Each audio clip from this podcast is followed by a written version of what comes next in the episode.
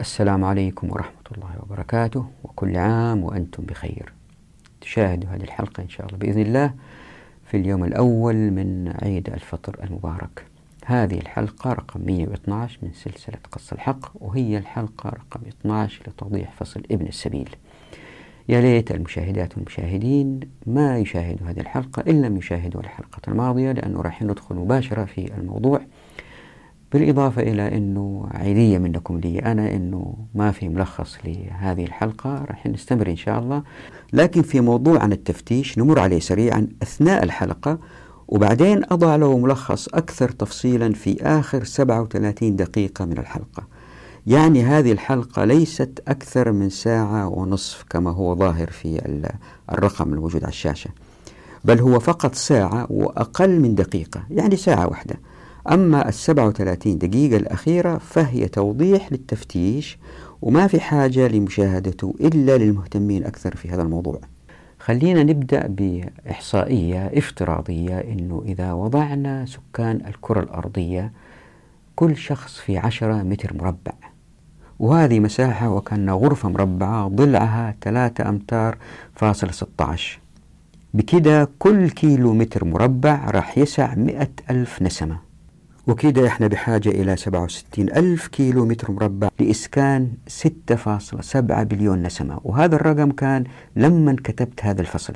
وهذه مساحة أقل من مساحة دولة الإمارات اللي هي 83 1600 كيلو متر مربع. يعني نقدر نسكن بهذه الإحصائية سكان الكرة الأرضية في مساحة أقل من هذه الدولة. طب فين الكرة الأرضية الكبيرة هذه؟ راحت فين؟ تخيلوا إنها فاضية ما فيها سكان فمتى راح تتعبى بالسكان؟ طيب يمكن واحد يقول يا جميل هذه الإحصائية ما هي معقولة إنك أنت حشره الناس حشر. خلينا ناخذ إحصائية ثانية على الأيام هذه. سكان الكرة الأرضية الأيام هذه سبعة بلايين وثمانمية ألف نسمة. تخيلوا الآن أن هؤلاء السكان ما يسكنوا في داخل الكرة الأرضية لكن يسكنوا فقط على السواحل. يعني إذا كان أتينا إلى سواحل الكرة الأرضية الجزر القارات وحسبناها وسكنوا السكان فيها بشريط عمقه أربعة كيلومتر زي ما أنتم شايفين هنا في الصور. فقط للتوضيح أوريكم كيف أنه الشاطئ عندما يلامس البحر أحيانا الناس يستوطنوا فإذا تخيلنا أنه كل الكرة الأرضية سكن على سواحلها على عمق أربعة كيلو متر مربع إيش اللي يمكن يكون فمجموع أطوال السواحل في الكرة الأرضية هو مليون وستمية وأربعة وثلاثين ألف وسبعمية وواحد كيلو متر مربع طبعا هذه الحسبة ما هي دقيقة ليه؟ لأنكم إذا نظرتوا الآن في الشاشة تلاحظوا أنه إنجلترا مثلا لما جو يحسبوها حسبوها بحيث أنه الخطوط المستقيمة هذه اللي تدور حول إنجلترا كل خط 200 كيلو.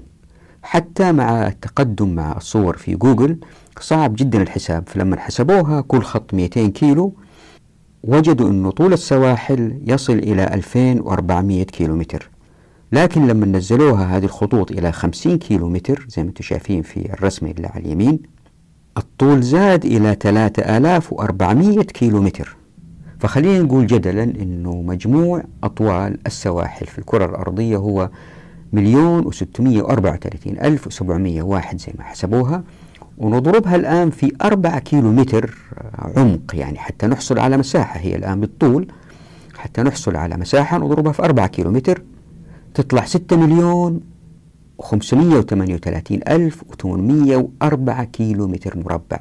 وهذه إذا ضربناها في ألف وبعدين في ألف حتى نحولها إلى أمتار يكون الناتج ستة تريليون وخمسمية وثمانية وثلاثين بليون وثمانمية وأربعة مليون متر مربع.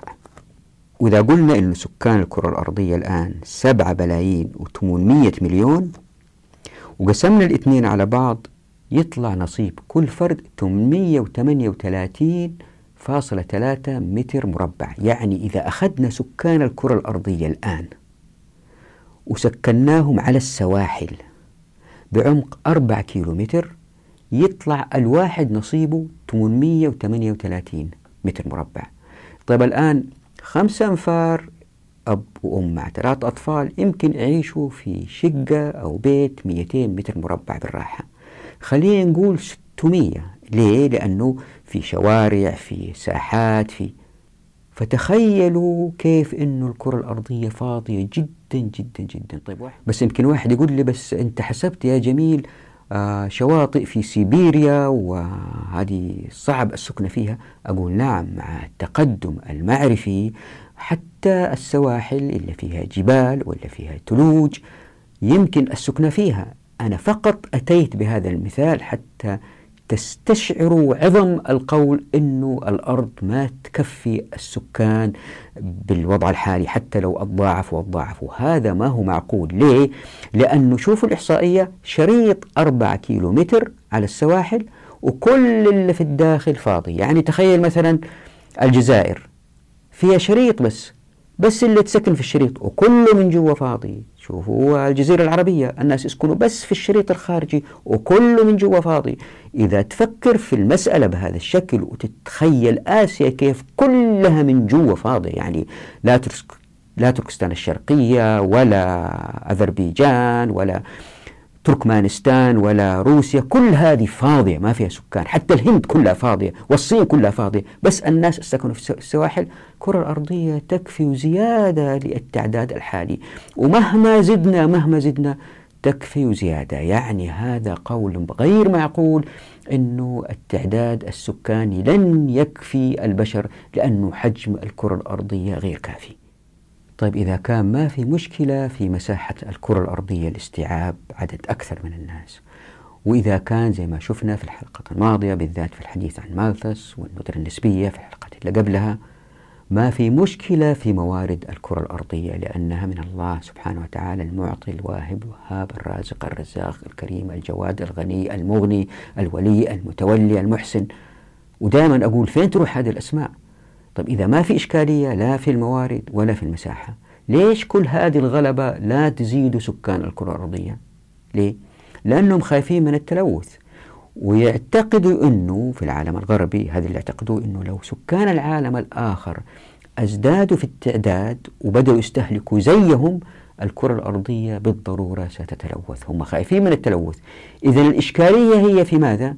الإشكالية هي في إنهم يريدوا يعيشوا زي ما كانوا الآن ولا يريدوا أن ينقصوا من اللي يستهلكوه ويريدوا أن يتمتعوا ولا يريدوا الآخرين أن يتمتعوا لأنه الآخرين اللي في الدول آه غير الصناعية إذا عاشوا بنفس المستهلكات زي الدول الصناعية إلا بيصير يخافوا أنه الكرة الأرضية ستتلوث. وهذا غير صحيح زي ما رح نشوف ليه لأنه المسألة مرتبطة جدا بطريقة الاستهلاك كسلوكيات وبطريقة توزيع سكان الكرة الأرضية على الأرض. يعني هل هم عايشين في مدن بأعداد كبيرة أو هم عايشين في قرى أو حاجة متزنة بين الاثنين؟ هذه العلاقة تؤدي إلى إيجاد كرة أرضية لن تؤدي سكانها لن يؤدوا إلى تلويث الكرة الأرضية وهذا لن يقع إلا بتطبيق مقصود الحقوق. لذلك الله سبحانه وتعالى ذكرنا باستمرار أنه إذا ما طبقنا الشريحة سيظهر الفساد في البر والبحر. تذكروا قوله تعالى أعوذ بالله من الشيطان الرجيم في سورة الروم ظهر الفساد في البر والبحر بما كسبت أيدي الناس ليذيقهم بعض الذي عملوا لعلهم يرجعون. يعني السؤال هو هل هناك طريقة مثلى لكيفية توزيع الناس على الأرض للاستفادة من الخيرات بأقل تلويث ممكن؟ هذا هو السؤال المهم. للإجابة على هذا السؤال المهم لابد من بعض التوضيحات. قبل الثورة الصناعية في السابق كان سكان الكرة الأرضية يستوطنوا حيث الخيرات. يعني في موارد في الكرة الأرضية في المواقع لها إمكانيات معينة مناطق فيها أنهار الناس يقدروا يسكنوا حولها يعيشوا فيها مناطق فيها مياه آبار مناطق فيها آه، فرصة لزراعة الزيتون مناطق النخيل وهلم جرة. فبدأوا الناس يستوطنوا حيث الخيرات يعني في نسبة وتناسب لما واحد يرصد بين السكان وكثافتهم والخيرات الكرة الأرضية. وكان في صعوبة في نقل المواد. طبعا في استثناءات مدن لا تعكس هذا الشيء مثل سامراء اللي بناها المعتصم 221 أظن هجرية. فهي بنيت بقرار سياسي فتأتي الخيرات من مناطق أخرى. قد هي لا تدعم كل الخيرات والمعادن اللي تستهلكها. من الأمثلة أيضا القاهرة مثلا على مر التاريخ بدأت تكبر تكبر لأنه موقعها استراتيجي عسكريا. وسياسيا وكانت تحكم يعني كانت هدف للحكام إنهم إنهم يسيطروا عليها ولأن الحكام في ايديهم الأموال من الضرائب فكانت تأتي اليه الخيرات. ففي استثناءات مثل سمراء القاهرة. لكن في الغالب معظم المستوطنات تعكس الموجود في الكرة الأرضية. اللي صار بعد الثورة الصناعية وبعد إمكانية نقل البضائع بكميات كبيرة زي ما هو ساير الآن في السفن الكبيرة دي اللي تشيل آلاف الحاويات اللي صار إنه المسألة بدأت تنقلب. ليه؟ لأنه صار المهم الاستثمارات الموجودة. مثلا اليابان تبني مصنع كبير في منطقة معينة فتأتي إليها بالخيرات لتشغيل هذا المصنع لأنه المهم هي الفكرة والمعرفة والأيدي العاملة الماهرة وما إلى ذلك. وليس المهم المواد الخام. فبدأت المواد الخام تأتي للشعوب حيث تقرر فين تستثمر. فاليابان حيث مصانعها تأتيها موارد الكرة الأرضية من كل مكان تصنعها وتنتجها وترسلها. فما في نسبة وتناسب بين طريقة سكن الناس تعدادهم كثافتهم والموارد الموجودة في الكرة الأرضية سواء على السطح أو على أو في باطن الكرة الأرضية. السؤال هو كيف نوجد ميزان جيد ومين يستطيع فعل ذلك حتى نوجد كرة أرضية ما تلوث؟ لأنه نقل البضائع من مكان لآخر يلوث الكرة الأرضية. لأنه آه السكان لما يكثروا في منطقة معينة يمكن ذيك المنطقة تزداد تلويث مثل المدن الكبرى الآن زي إسطنبول بانكوك مكسيكو سيتي. هذه المدن فيها كثافة سكانية عالية. فإيش الأفضل للبشرية ومين يقدر يحقق هذه؟ هل عقل بشري أم هي مقصوصة الحقوق؟ في هذا الإطار مسألة أخرى ما ننساها أيضا أنه قبل الثورة الصناعية كانوا الناس معظمهم مشغولين باللي ينتجوه يعني ما في بطالة يعني كل واحد ينتج لأنه الأسر مثلا تنتج غذائها. ما في أكل معلب ما في ثلاجات يمكن يحتاجوا كل يوم يشتغلوا باستمرار يطبخوا باستمرار. بينما بعد الثورة الصناعية مع ظهور رأس الأموال واستثمار هذه الأموال آه وتكثيف الإنتاج بالاعتماد على الآلة اللي صار أنه بدأت تظهر الأيدي العاملة اللي يمكن تشتغل وما هي لاقية شغل. وهذه الأيدي العاملة في الغالب بحثا عن الشغل كل يوم تقول يمكن أحصل شغل أحصل شغل. تعيش في الغالب في المدن ولا تذهب إلى القرى. ليه؟ لأنه حتى إن ذهبت إلى القرى آه، أبواب التمكين في الموارد والموافقات والمعرفة بعد آه، الثورة الصناعية مع ظهور الدولة المركزية وقوتها أصبحت كلها في يد الدولة. وبالتالي بدأت آه، المدن آه، تتكدس بالسكان اللي يبحثوا عن عمل. فأي الحالين أفضل الآن أنه ما قبل الثورة الصناعية أو ما بعدها؟ هل يمكن أن نوجد حياة الكل بيشتغل فيها سعيد من غير ما نلوث الكرة الأرضية؟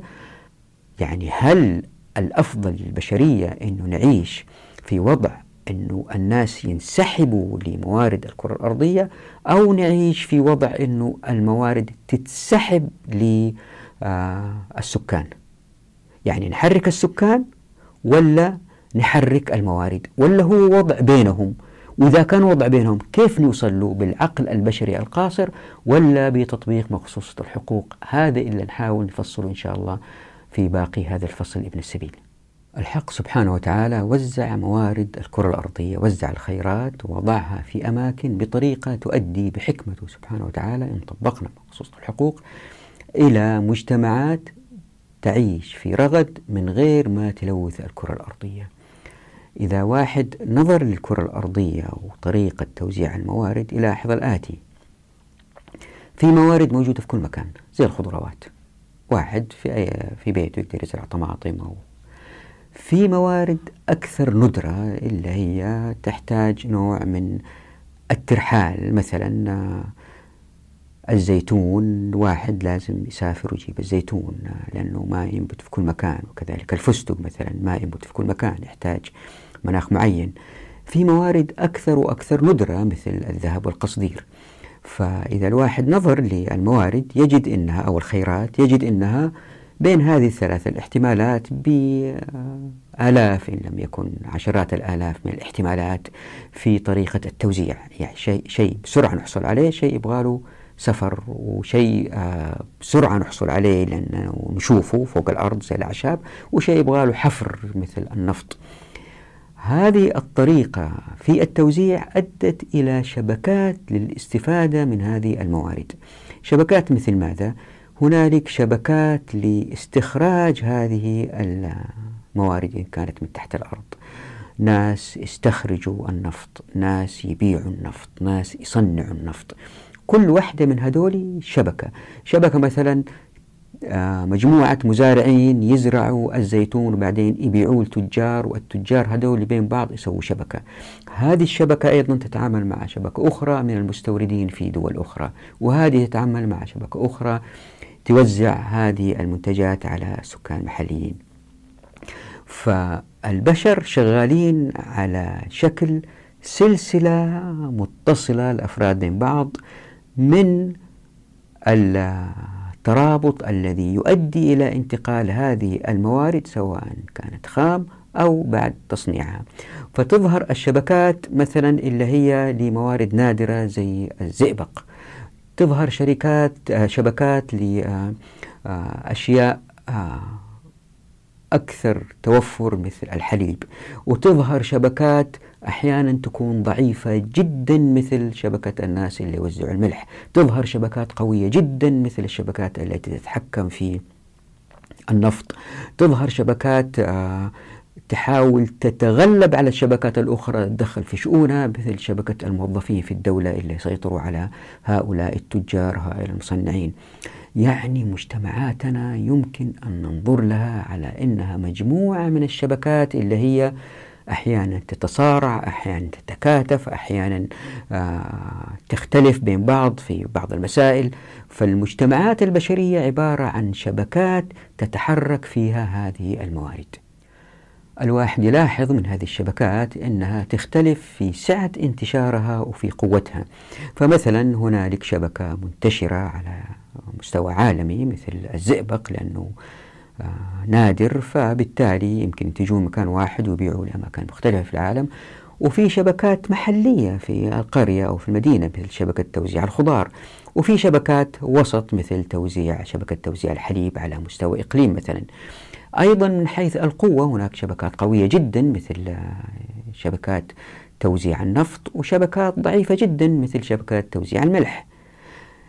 الآن دراسة هذه الشبكات ليش أهمية هذه الشبكات ودراستها؟ لأنه هذه الشبكات عندما تتحرك بانسيابية الشريعة تحاول تخلي هذه الشبكات تتحرك بسهولة جدا جدا جدا زي ما راح نشوف. بينما بالأنظمة والقوانين الوضعية هذه الشبكات دائما تحت سيطرة الدول.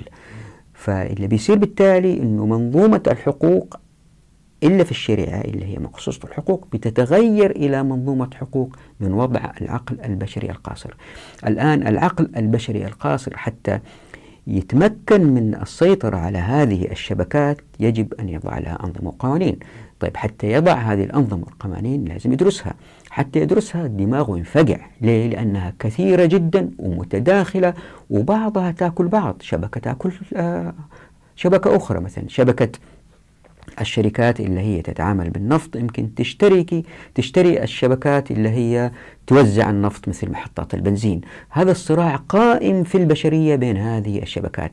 لذلك لابد أنه ما ننسى قوله تعالى أعوذ بالله من الشيطان الرجيم وقد كفروا به من قبل ويقذفون بالغيب من مكان بعيد. وإذا تتذكروا هذه الآية تحدثنا عنها بالتفصيل وعلاقتها بالحقوق وقصور العقل البشري اللي سيخطئ بالتأكيد ويؤدي إلى تلويث الكرة الأرضية إن لم يحكم بمقصود الحقوق. وهذه وضحناه في الحديث عن القذف بالحق في الحلقات الأولى من قص الحق. أحد المتابعات لفتت نظري إلى كتاب لباحث معش كثير اسمه فريدريك باستيا ألف كتاب اسمه القانون وضعت رابطه أسفل الشاشة اللي حب يقرأه بيناقش في هذا الكتاب وبيقول أنه القوانين تتحول إلى أدوات استخدموها بعض المتنفذين للمزيد من التسلط والمزيد من الثروة فهي أداة يساء استخدامها فهو كان ينادي إلى الحريات طيب حريات إلى أي مدى؟ ألا ما علاقة هذا بالموضوع؟ زي ما قلت في الحلقة الماضية أنه في طبيعة الناس النفس البشرية تحاول أنها ترتاح تحاول أنها آه، تستهلك أكثر. هذا إن كانت شريرة وما تخاف الله وكان هذا على حساب الآخرين. لكن إن كانت تخاف الله سبحانه وتعالى ونفس طيبة على الأقل تريد أن تكسب اللي يعينها على الحياة بأقل آه، عمل ممكن. وبالتالي يمكن يعني الواحد يبرر لنفسه أخذ بعض المال إذا شاف الآخرين آه، بيمتلكوا البلايين وهو ما عنده شيء. فالنفس دائما فيها نوع من الدافع اللي يخليها إلا اللي يخاف الله سبحانه وتعالى إلا يخليها أحيانا تأخذ شيء من غير حق. هذا له أو هذه الظاهرة لها تأثير مهم في الشبكات. ليه؟ لأنه الشبكات هذه هي اللي تنساب فيها الخيرات من مكان لآخر سواء كانت أموال بين البنوك سواء كانت معادن من منطقة لأخرى سواء كانت أكل ملابس. وأصحاب هذه الشبكات بيغنوا فإلا بيصير أنه هذه الشبكات تتعرض للغزو من آه، أطراف أخرى سواء كانت الدولة سواء كانت اللصوص سواء كان اللصوص يعني. هذا الغزو يأتي بأشكال منها مثلا استحداث شبكات جديدة تعيش على هذه الشبكات مثل شبكة الجمارك. يقول والله البضائع تنتقل من مكان لآخر لابد أن تدفع ضرائب. وبالتالي آه، جمارك. وبالتالي عندنا شبكة الآن اسمها شبكة الجمارك عشان تغذي الدولة المسؤولين بالأموال. يمكن الشبكة هذه آه يعني يمكن الغزو يأتي بإضعاف الشبكة مثل سن أنظمة وقوانين على الناس إلا يصدروا الملابس من مكان لآخر يعني ملابس يعني ما تضر ولا تسوي شيء يعني لماذا تقننها؟ لا يخافوا على سلامتها ويحطوا لها مواصفات وما نعرف إيش. فتظهر الأنظمة والقوانين اللي تضعف الشبكات هذه في انسيابيتها. من آه، إضعافها من آه، وسائل آه، الحصول على الخيرات بعمل أقل آه، باستهداف هذه الشبكات مثلا تقطيع هذه الشبكات مثلا شبكات نقل النفط زي ما شفنا في العراق كانوا الناس يخرموا أنابيب النفط ويأخذوا النفط لما ينكب في مكانه ويستفيدوا منه لأنه هو رايح فيأخذوا منه. وأيضا من الاستهداف أيضا إظهار الإشاعات حول شبكة معينة مثلا توجد آه شبكة لتوزيع الألبان وواحد حتى يضعفها يقول والله وجدنا من الأبحاث أنه كثرة الألبان واستهلاكها يؤدي إلى كذا كذا كذا. فكل الأبحاث أيضا زي ما أنتم شايفين في الشركات الغربية آه تؤدي إلى زي ما قالوا مثلا التدخين ما يضر أول ما ظهر حتى يقوي هذه الشبكة. فهذه الشبكات هي عرضة لل استحداث عرضة للإضعاف عرضة للانتهاك. كيف الشريعة تعاملت مع هذا الشيء. وهذا مذكور في القرآن الكريم في قوله تعالى أعوذ بالله من الشيطان الرجيم. ولا تقعدوا بكل صراط توعدون وتصدون عن سبيل الله من آمن به وتبغونها عوجا. واذكروا إذ كنتم قليلا فكثركم وانظروا كيف كان عاقبة المفسدين. لاحظوا قوله تعالى تقعد هذه الآية في سورة الأعراف ومرت بنا في فصل الديوان. فزي ما تلاحظوا تقعد هي قطع لشبكة. وكما في قوله تعالى في سورة هود أعوذ بالله من الشيطان الرجيم ويا قوم أوفوا المكيال والميزان بالقسط ولا تبخسوا الناس أشياءهم ولا تعثوا في الأرض مفسدين. وهذه الآية أيضا مر تأويلها ولاحظوا كلمة تعثوا. وكما في قوله تعالى أعوذ بالله من الشيطان الرجيم في سورة العنكبوت أئنكم لتأتون الرجال وتقطعون السبيل وتأتون في ناديكم المنكر؟ فما كان جواب قومه إلا أن قالوا ائتنا بعذاب الله إن كنت من الصادقين. لاحظوا في الآية كيف أنه لتأتون الرجال وتقطعون السبيل؟ كيف أنه وتقطعون السبيل؟ عمل غير لائق عمل بغيض يرتقي إلى إتيان الرجال. طيب ليش هذا التغليظ الوصف؟ خليني أشرح لكم فكرة. ويا ريتكم تركزوا فيها. تخيلوا أنه في طريق سريع هاي واي والطريق هذا في أربع مسارات. وسيارة تعطلت على جنب. الأربع المسارات صارت ثلاثة.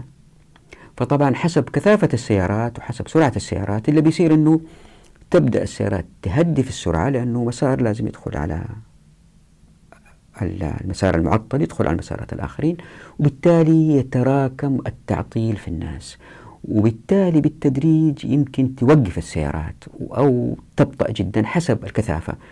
وهذا التبطيء يمكن يأخذ خلال ساعة كيلو خلال ثلاث أربع ساعات عشرة كيلو. طيب إذا كان مستمر على طول والناس ما لهم طريق غير هذا الطريق تسير السرعة في هذا الطريق بدل ما كانت السيارات تمشي مية الآن يا دوب تمشي عشرة. أو عشرين. مسار واحد بس اللي تسكر ما بالكم في مجتمعاتنا المعاصرة؟ إذا كان معظم الطرق في المدينة سكرنا في كل آه، طريق سريع أو كل شارع مثلا في ثلاثة مسارات سوينا مسارين سكرناه ووضعنا واحد يفتش السيارات هذه اللي ماشية. فين جوازك؟ فين هويتك؟ فين؟ إيش اللي بيصير؟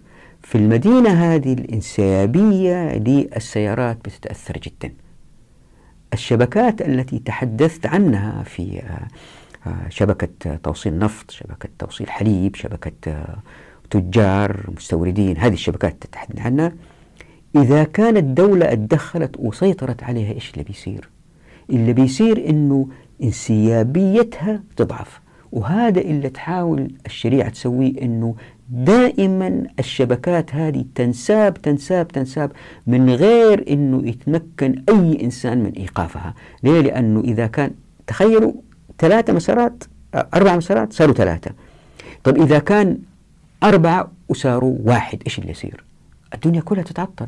وهذا واقعنا المعاصر لذلك لما تشوفوا الإحصائيات عن نسبة الفقر في السودان ناس ما هم محصلين أكل وهي دولة فيها كل الخيرات ولما تشوفوا دولة مثل الجزائر يمكن تصدر لكل الكرة الأرضية خيرات بكل أنواعها ومع ذلك الناس معطلين. ليه؟ لأنه في أنظمة وقوانين تؤدي إلى السيطرة على هذه الشبكات. فقط فقط. مثال بسيط. مثلا قرية تنتج زيتون وبتصدر هذا الزيتون. إذا كان شخص واحد وقف يفتش هذه الصناديق إلا رايحة إيش اللي بيصير؟ إلا بيصير إنه الناس من قلة مرور هذه الموارد ويمكن تفضل عندهم وتخرب إذا كانت مثلا طماطم أو اللي يكون إيش اللي بيصير؟ يبطلوا يزرعوا وهذا حال الدول العربية مع الأسف كلها دون استثناء فيها نوع من السيطرة يختلفوا درجات لكن كلها مسيطر عليها في انسياب المعرفة في انسياب الأفراد في انسياب المنتجات في انسياب المواد الخام. لذلك في تعطيل كبير للبشرية يؤدي إلى هذه الطبقية التي تؤدي إلى الأغنياء والفقراء.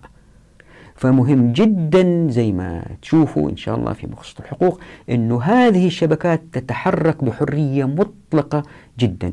آه لما كتبت هذا فصل بحثت عن موضوع التفتيش. هل يحق للسلطات بدعوى الأمن أنها توقف في الحدود وتمنع الناس من الحركة بإنسيابية تامة توقفهم تفتشهم تفتش بضائعهم إيش حكم التفتيش في الشريعة؟ ذلك الوقت لم أجد الكثير من المعلومات لكن وجدت أنه في ضمان للمجتمع أنهم الأفراد ينتجوا ويتحركوا هم ومنتجاتهم من غير أي تفتيش. فما وجدت في الأثر أنه في نقاط زي ما وصفت الآن في, في, في الآيات والقرآن غلظ في هاي الأفعال إنها شنيعة جدا ترتقي إلى إتيان الرجال. ما وجدت أنه لا الرسول صلى الله عليه وسلم ولا الخلفاء من بعده وقفوا الناس وهم متحركين ويفتشوهم. انت فين رايح؟ فين جاي؟ إيش بضاعتك هذه ظهرت بعدين تتذكروا في فصل دولة الناس كان يضعوا السلسلة على النهر في فصل آه، حتى يأخذوا من الناس المكوس هذه ظهرت لاحقا لكن الشريعة كما أتت لا توجد فيها هذه المسألة. بعد كده وجدت بحث ظهر عام 1434 هجرية يتحدث عن التفتيش وحتى ما نخرج عن انسيابية الموضوع هذا البحث لأنه ظهر متأخر بعد ما كتبت هذه الصفحات ما هو موجود في الكتاب لكن سأناقشه بطريقة سريعة في نهاية هذه الحلقة. والملاحظ باختصار على الباحث أنه آه، مؤمن جزا الله خير بأنه الإنسان مكرم أنه آه، يجب أن لا يفتش وما إلى ذلك لكن الآن مع تغير الظروف وظهور آه، يمكن التطرف وظهور مثلا الجماعات التي تسرق والعصابات وانه بالتالي الدولة قد يكون لها طريق لتفتيش الناس. يعني زي ما تشوفوا إن شاء الله يبحث عن الأدلة في الشريعة التي تؤدي إلى هذا الاستنتاج. مثل قوله تعالى أعوذ بالله من الشيطان الرجيم يا أيها الذين آمنوا إن جاءكم فاسق بنبأ فتبينوا. فبيرجع لهذه الكلمات مثل تبينوا وقصة يوسف عليه السلام. اللي فتش أوعية أخوانه وبعدين استخرج الوعاء من حاجات أخوه. ومن قصة الهدهد مثلا أعوذ بالله من الشيطان الرجيم في قوله تعالى وتفقد الطير فقال ما لي لا أرى الهدهد فبيتحدث عن التفقد. ومن قصة الرسول صلى الله عليه وسلم لما ذهب إلى السوق ومر على صبر الطعام وأدخل إيده فيها وجات في أصابعه البلل. ومن قصة الصحابي رضي الله عنه حاطب بن أبي بلتعة إلا أرسل رسالة لقريش وراحوا صحابة فتشوا المرأة إلا كانت واضعة هذا الخطاب في شعرها. فرح أمر إن شاء الله في نهاية هذه الحلقة على هذا البحث سريعا وأبين أنه آه إن طبقنا مقصوصة الحقوق لن تظهر الحاجة للتفتيش. الآن لأنه لم نطبق مقصوصة الحقوق وظهر الفقر وظهرت المشاكل أحتجنا للتفتيش حتى الناس يأمنوا بعضهم بعض. وهذه مسألة إنه كيف إنه بعض الفقهاء ينظروا لوضعنا الحالي ويروا الوضع سيء ويتساهلوا مع الشريعة ويوجدوا من النصوص القرآن والسنة يوجدوا أحكام تناسب وضعنا الحالي اللي هو أساسا ظهر بعدم تطبيق الشريعة. هذه راح أوضحها إن شاء الله في آخر هذه الحلقة. لا تنسوا لا تنسوا مسألة تسمية الأسماء اللي تحدثنا عنها سابقا. كما في قوله تعالى أعوذ بالله من الشيطان الرجيم إن هي إلا أسماء سميتموها أنتم وآباؤكم. ما أنزل الله بها من سلطان. إن يتبعون إلا الظن وما تهوى الأنفس. ولقد جاءهم من ربهم الهدى.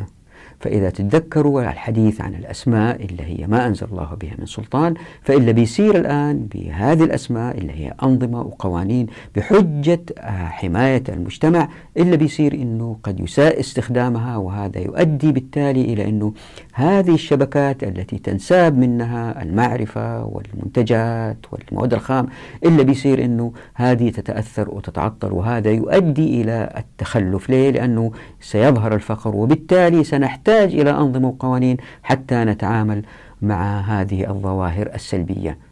وحتى تتخيل الموضوع تخيل الآتي هو صعب تخيله لكن برضي أحاول ويا ريتكم تحاولوا تتخيلوا إن طبقنا الأنظمة الحالية المبنية على الأنظمة والقوانين إن طبقناها اللي بيصير إنه الطرق السريعة هذه بعضها تتحول من أربعة مسارات إلى ثلاثة إلى اثنين إلى واحد حسب لكن إن طبقنا الشريعة ما الذي سيحدث؟ اللي يحدث أنه هذه الطرق دائما مفتوحة وماشية وعلى فرض أنه اتسكرت لسبب ما.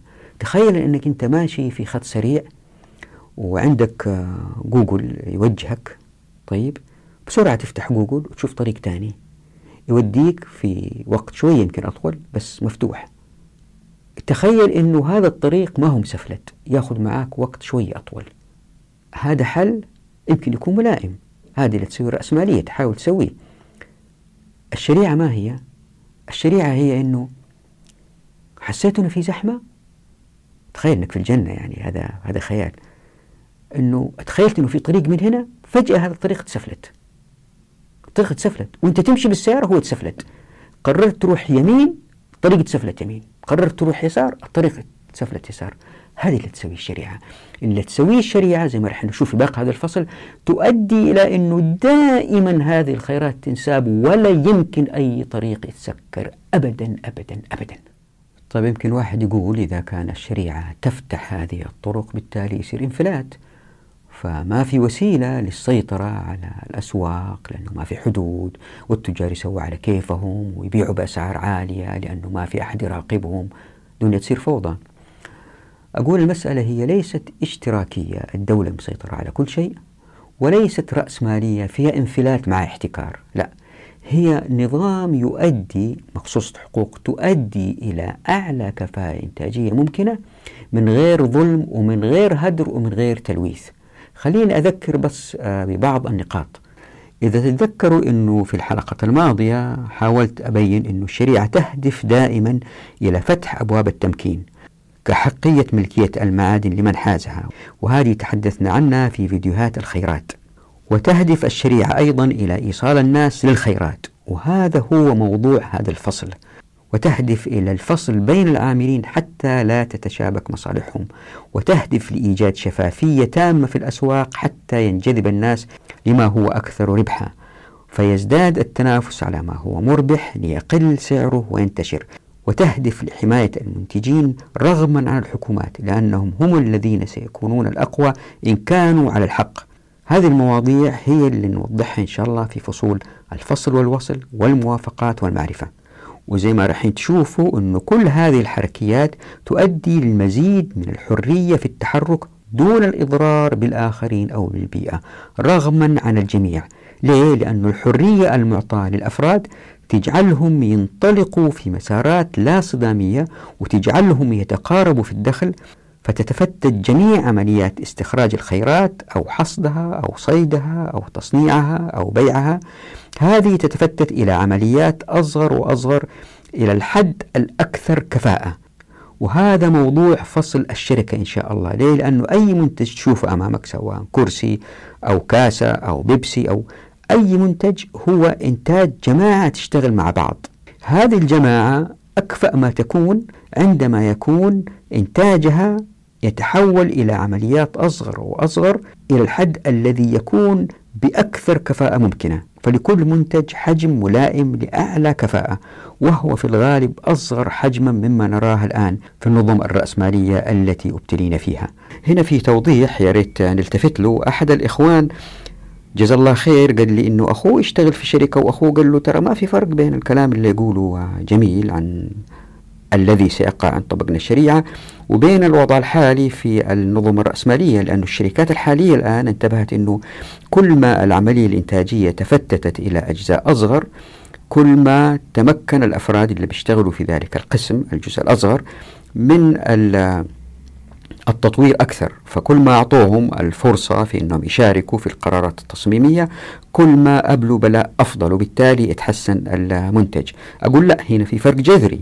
الفرق الجذري هو أنه في النظم الرأسمالية الإنسان اللي بيشتغل في موقع هو لا يملك الشيء الذي يشتغل فيه وينتجه هو ينفذ التصاميم التي تأتيه أو أنه يطور التصاميم إلا تأتيه. فهو دائما أجير في النظام الرأسمالي للشركة برغم التفتيت إلى أجزاء أصغر. فمبادراته ومساهماته لن تكون بذات الفاعلية إن كان هو وزملائه إلا يملكوا الشيء إلا ينتجوه لأن علاقتهم الآن تكون مباشرة مفتوحة مع الآخرين في السوق فلهم علاقة مباشرة مع ناس في نفس المستوى أفقيا. بينما هذاك الأجير علاقته بالإنتاج والتسويق من خلال إدارة الشركة رأسيا وبالتالي لن يستطيع اتخاذات القرارات التحسينية إلا بالاقتراح وإن وافقوا له يطبق. لكن هذا المالك هو شركائه للي ينتجوه ما لهم قيود أو ما عليهم قيود من الناس اللي فوقهم لأنه ما في ناس فوقهم. وهكذا تزداد الكفاءة وترتفع الجودة بزيادة المعرفة. وهذه بإذن الله ستتضح في فصلي الشركة والمعرفة. لكن في هذا الفصل راح نركز فقط على الحركيات اللي وضعتها الشريعة لدفع الناس للوصول للخيرات. يعني كيف الشريعة تفتح هذه المسارات بحيث أنه ما في طريق يتسكر. إذا تتذكروا في الحديث عن الندرة النسبية قلنا أنه الله سبحانه وتعالى وضع الموارد والخيرات في الكرة الأرضية أحيانا بكميات كبيرة في مناطق معينة مثلا النفط في هذه المنطقة وفي هذه المنطقة تقدر تزرع بندق ما تقدر تزرعها في منطقة أخرى في هذه المنطقة ممكن تبحث عن الفوسفات ولن تجده في مناطق أخرى.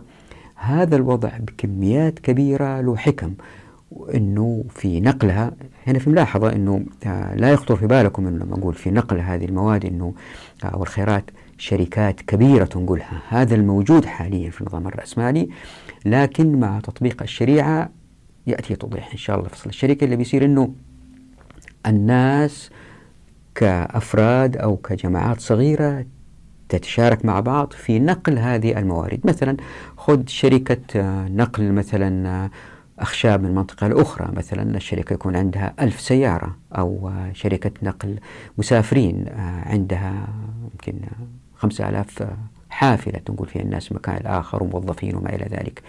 اللي بيصير مع تطبيق الشريعة أنه كل واحد عنده حافلته. أو كل اثنين ثلاثة يشتغلوا في حافلة أو كل ثلاثة أربعة أنفار يشتغلوا في شركة آه، في آه، سيارة آه، شحن ينقلوا فيها البضائع يشتركوا مع بعض اشتروها فاللي يصير إنه يهتموا فيها أكثر الأفراد لأن سيارتهم هي سيارة الشركة يغيروا زيتها ويتأكدوا يتأكدوا إنه الزيت تغير بطريقة مضبوطة مش يعطوها لموظف يمكن ما يحط الزيت ويبقى الزيت القديم ويبيع الزيت اللي المفروض يحطه في السيارة هذه. هذا هذا قد يقع. زائد أنه الأفراد لما آه، يتعاملوا في النقل مع بعض التجار يضمنوا أن البضاعة توصل سليمة من غير شركة تأمين. فما في طبقة بيروقراطية اسمها شركة تأمين فيضمنوا توصيل البضاعة إذا لم تصل يمكن يضمنوها. تفاصيل أخرى نأتي عليها فصل الشركة إن شاء الله. تؤدي إلى أنه دائما نصل إلى أفضل توصيل للأشياء بأقل تكلفة ممكنة من معدات من ما في شركات تأمين ما إلى ذلك. بس هذا تفصيل جانبي يعني. فلا يخطر في, بالك في بالكم أنه الموارد موجودة الحكمة فيها بكميات كبيرة أنه تظهر شركات كبيرة لنقلها لا يكون نقل عن طريق أفراد أو جماعات صغيرة. فالحكمة من وضع هذه الموارد بكميات كبيرة تتجلى في قوله تعالى في سورة فصلت أعوذ بالله من الشيطان الرجيم وجعل فيها رواسي من فوقها وبارك فيها. وقدر فيها أقواتها في أربعة أيام سواء للسائلين. إذا تذكروا مرينا على تأويل هذه الآية سابقا واللي ذكرها الطبري واللي قال عكرمة فيها وقال آخرون بل معنى ذلك وقدر في كل بلدة منها ما لم يجعله في الآخر منها لمعاش بعضهم من بعض بالتجارة من بلدة إلى بلدة. ذكر من قال ذلك. حدثنا أبو كريب قال حدثنا ابن إدريس قال سمعت حسينا عن عكرمة في قوله وقدر فيها أقواتها قال في كل أرض قوت لا يصلح في غيرها اليماني باليمن والسابري بسابور.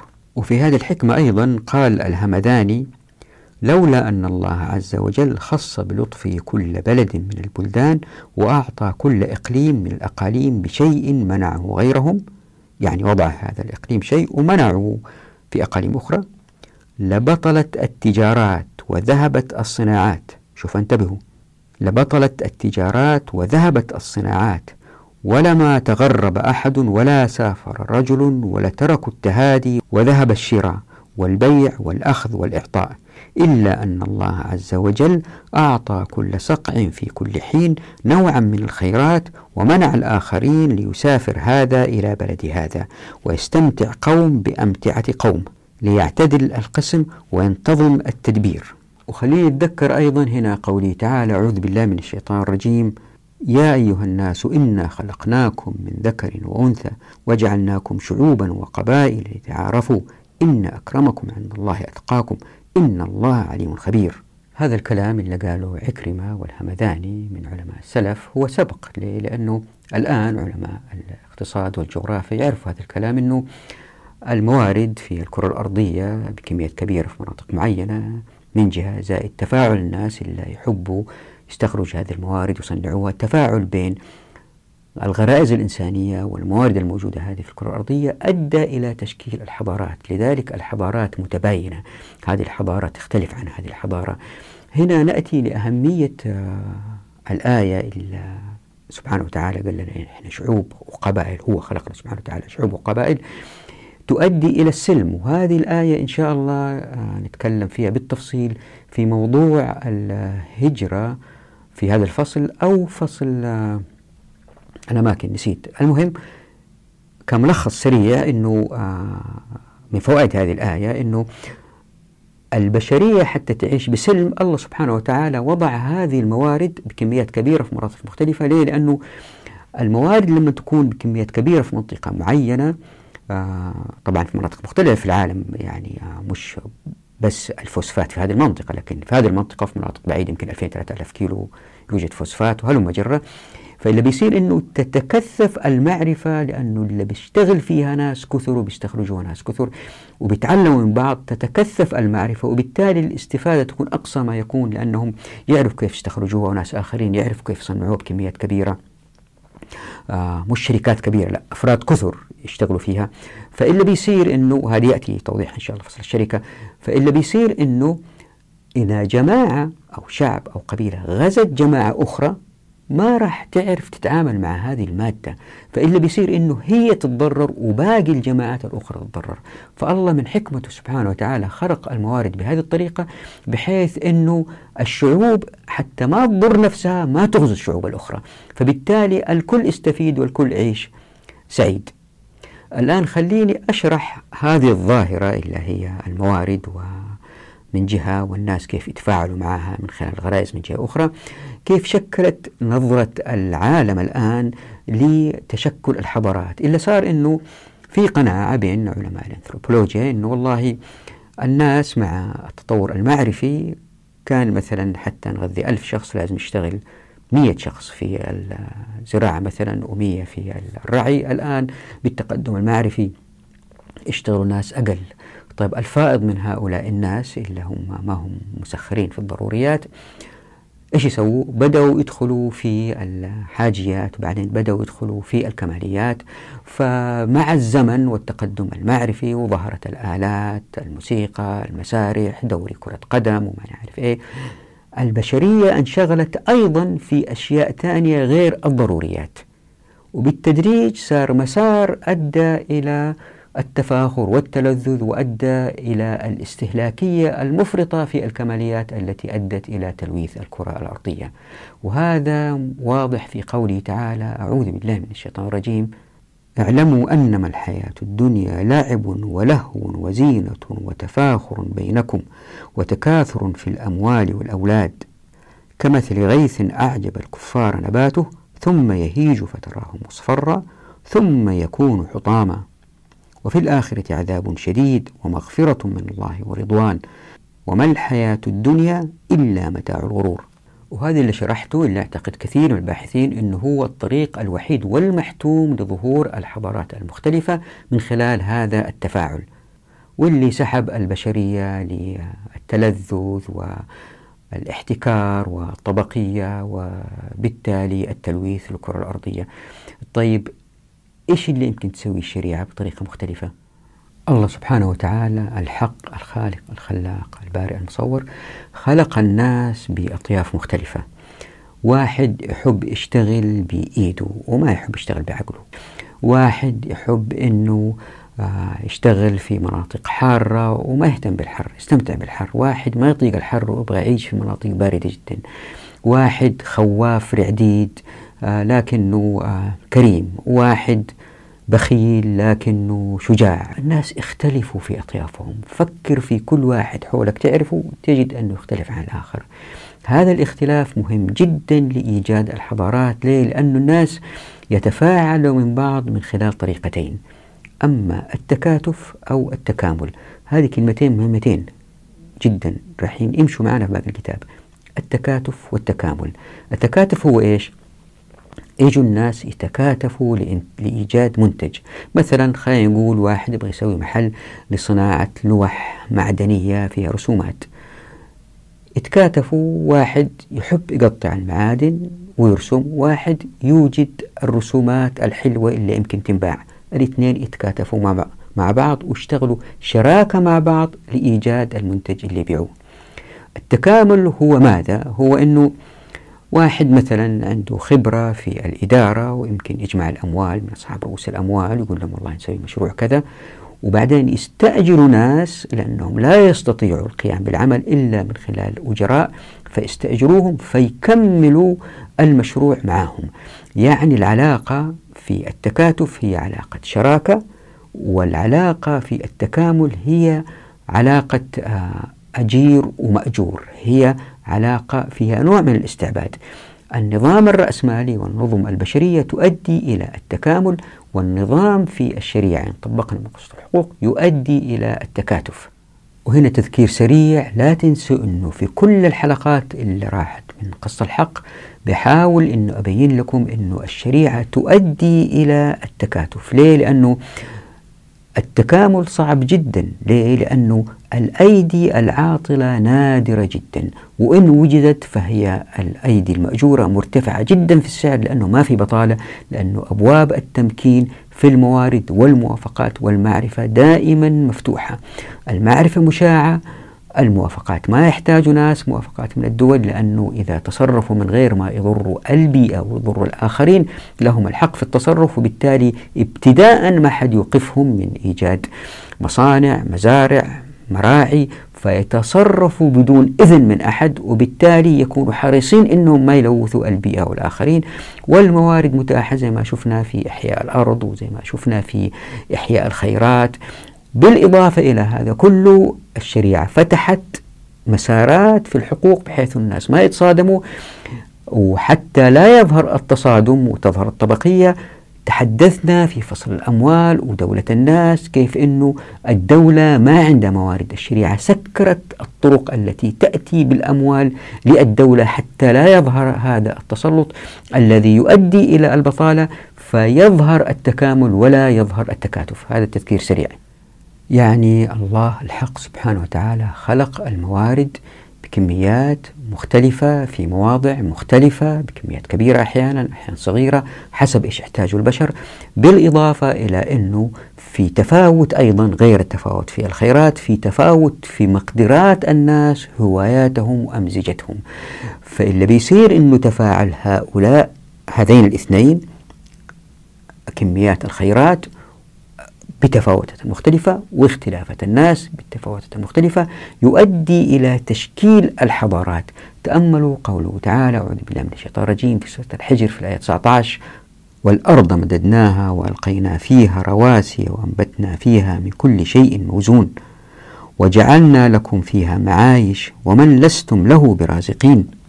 وتتذكروا هذه الآية مرت علينا سابقا ووضحناها فالآية تقول لنا بوضوح أن هناك أرض شاسعة ممدودة فيها من كل شيء موزون والاتزان لا يكون إلا بين شيئين أو أكثر أي أن هناك خيرات كثيرة موزعة باتزان أي بحكمة.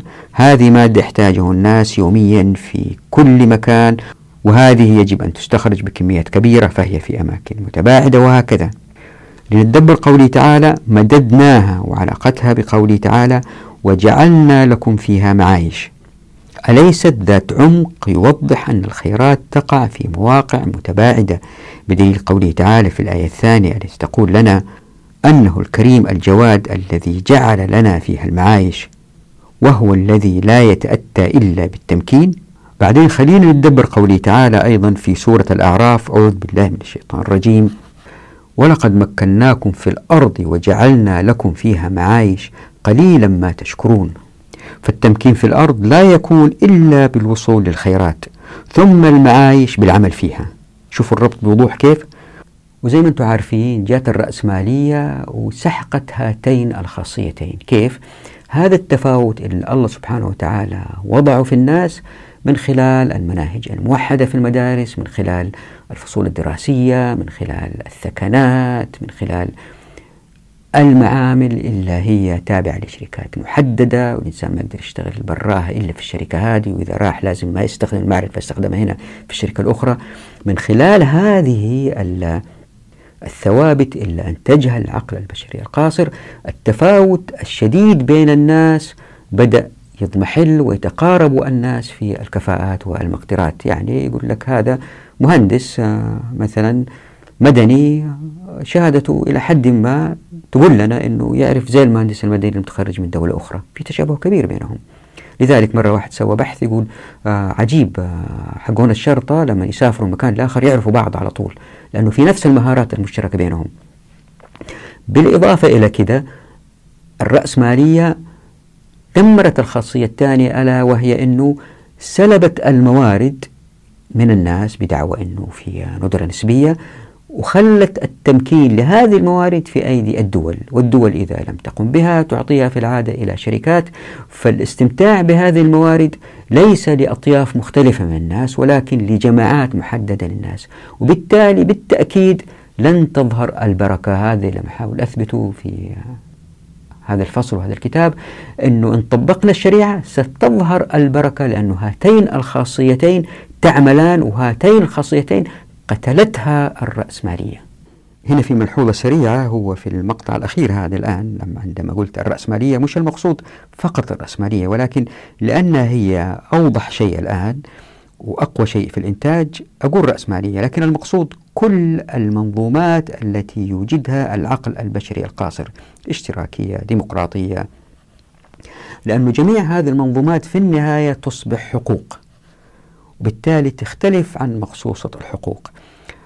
وضعت هنا في الشاشة نص أحاول ألخص فيه اللي ذكرته في هذه الحلقة والنص هو الآتي كلما زاد التعداد السكاني وزاد التفاوت بين كفاءة الناس ومقدراتهم ومهاراتهم من جهة لأنه لا قيود عليهم وكلما زاد التفاوت في خيرات الأرض نوعا وكما بين المواقع من جهة أخرى يعني عند جهتين تفاوت في الناس تفاوت في الخيرات في المواقع كلما كان البشر أكثر رغد إن تم تمكين الناس من خلال مخصوص الحقوق لسبب واحد وهو أن الإنتاج وبالذات بالتكاتف بين هذه الأطياف المختلفة من الناس والمواد المتنوعة في الأماكن المتفرقة سيؤدي لمنتجات أكثر تنوعا وكما لينعم البشر.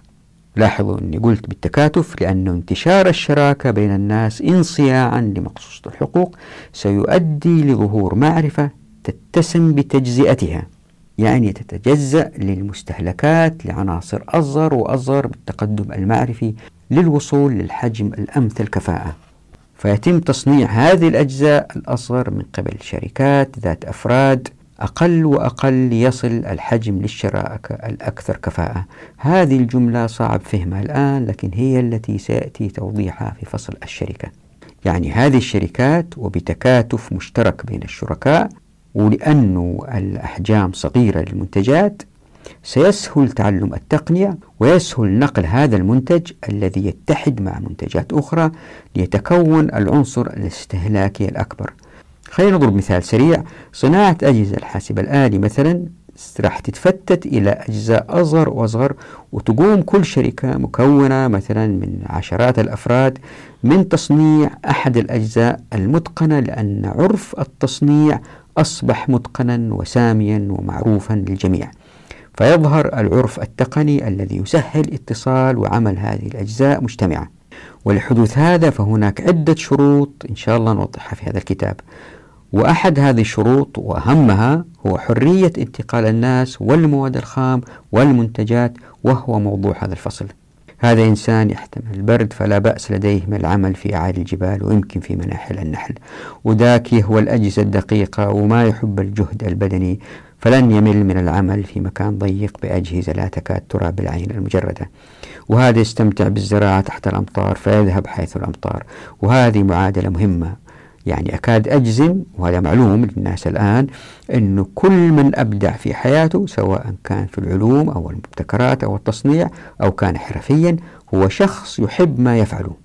لذلك كان مبدعا لانشغاله المستمر فيما يفعل. وبتراكم المعرفة لديه أصبح مبدعا ومتقنا لمنتجه أكثر وأكثر سواء كان منتجه ماديا كآلة يصنعها أو خدمة يقدمها للآخرين كحلق رؤوسهم أو تصليح أجهزتهم. وهذا المبدأ البسيط وهو وقوع الناس على ما يحبون من أعمال أو على الأقل ما لا يكرهون مبدأ معلوم ومهم إلا أن تطبيقه يصعب في ظل المجتمعات الحالية. وحتى يقع الإنسان على عمل يحبه فلا بد أن تتاح له كل الخيارات أكثر وأكثر. وهذا لا يكون إلا بفتح آفاق الانتقال أمامه في أي اتجاه ليجد ما يلائم إن لم يجده في مستوطنته لذلك سنركز على حرية تنقل الناس ليذهبوا لما يستمتعون بأدائه أو ما هم في حاجة لأدائه. وإن شاء الله ستروا العجب في هذا الفصل في فصل ابن السبيل. بما أتت به الشريعة من تحريك الناس رقعة واسعة أمامهم كل ما زادت المساحة كل ما كان للشخص خيارات أكثر. يعني واحد ساكن في دولة صغيرة الآن مثل قطر ولا يعني راح يروح فين يعني؟ لكن إذا كان العالم الإسلامي كله مفتوح أمامه وبالتالي في موارد مختلفة في أماكن مختلفة والناس بأطياف مختلفة يظهر هذا التفاعل الذي يؤدي إلى الرغد للبشرية. آه نقف هنا عند هذا في لهذا الفصل. آه لكن راح اللي حب يستمر يشاهد آه نقاش حول آه بحث دكتوراه عن التفتيش لأن أنا قلت في هذه الحلقة أن الشريعة ما أتت بالتفتيش. هذا التفتيش لا يوجد. لكن الآن أمر على بحث دكتوراه بيناقش أنه احتمال نحتاج التفتيش هذه الأيام. فحاول أبين أنه برغم أنه الباحث حاول أنه يبين أنه الشريعة ما أتت بالتفتيش لكن نحتاج هذه الأيام بالتفتيش. أمر على بعض النقاط التي آه، ذكرها فأحاول الرد عليها بسرعة.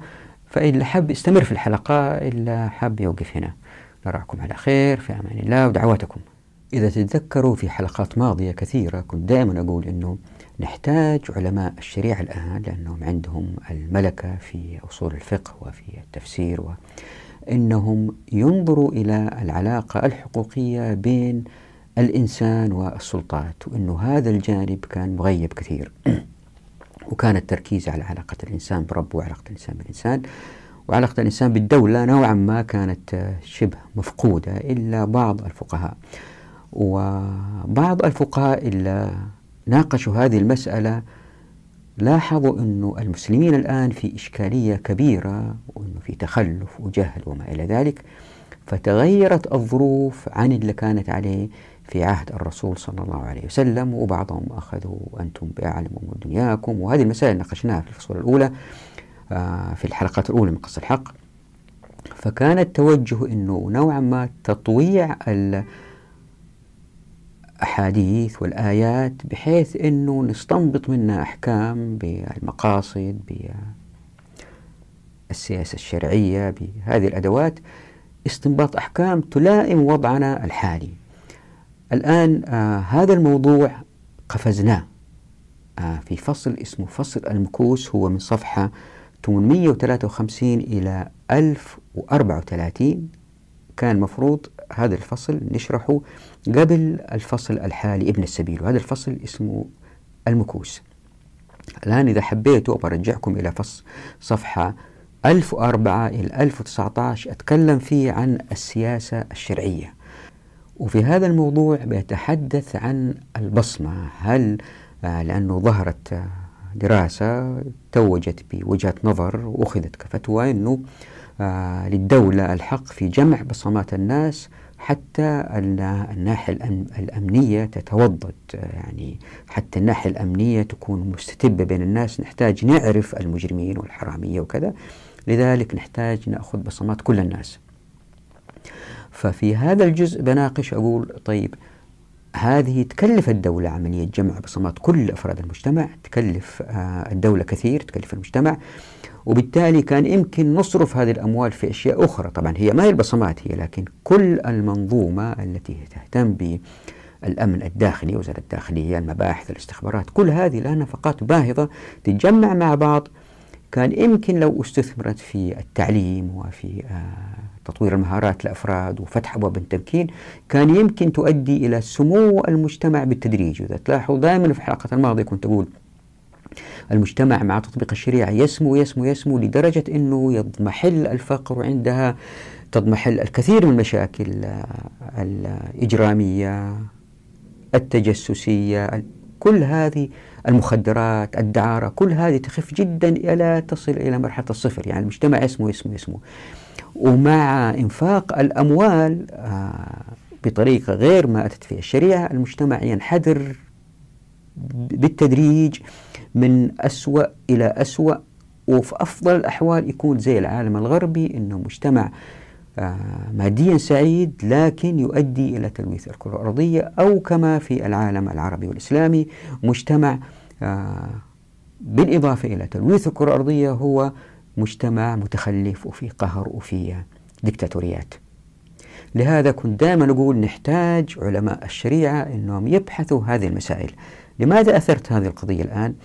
آه، وجدت بحث آه، لأنه في هذا الموضوع اللي بتحدث فيه الآن عن حرية الحركة وانسيابية الخيرات والمنتجات والمواد الخام أنه يجب الطرق أن تكون مفتوحة مش الطرق يعني طرق سيارات لا طرق طائرات طرق سيارات طرق قطارات الناس لهم حرية الحركة من غير ما حد يوقفهم يسألهم حتى ينتعش الاقتصاد إلا صار أنه آه وجدت بحث بحث في هذه المسألة سابقا وزي ما قلت لكم في الفيديو أنه الأصل إطلاق أيدي الناس وما حد يوقفهم لأنه عملية إيقاف آه إعطاء شخص الصلاحية أنه يوقف الآخرين قد يساء استخدامها بالإضافة إلى أنه زي ما تذكروا الطريق الهايوي قلنا سريع يضيق آه تعطيل لمصالح الناس يؤدي إلى إضمحلال الاقتصاد.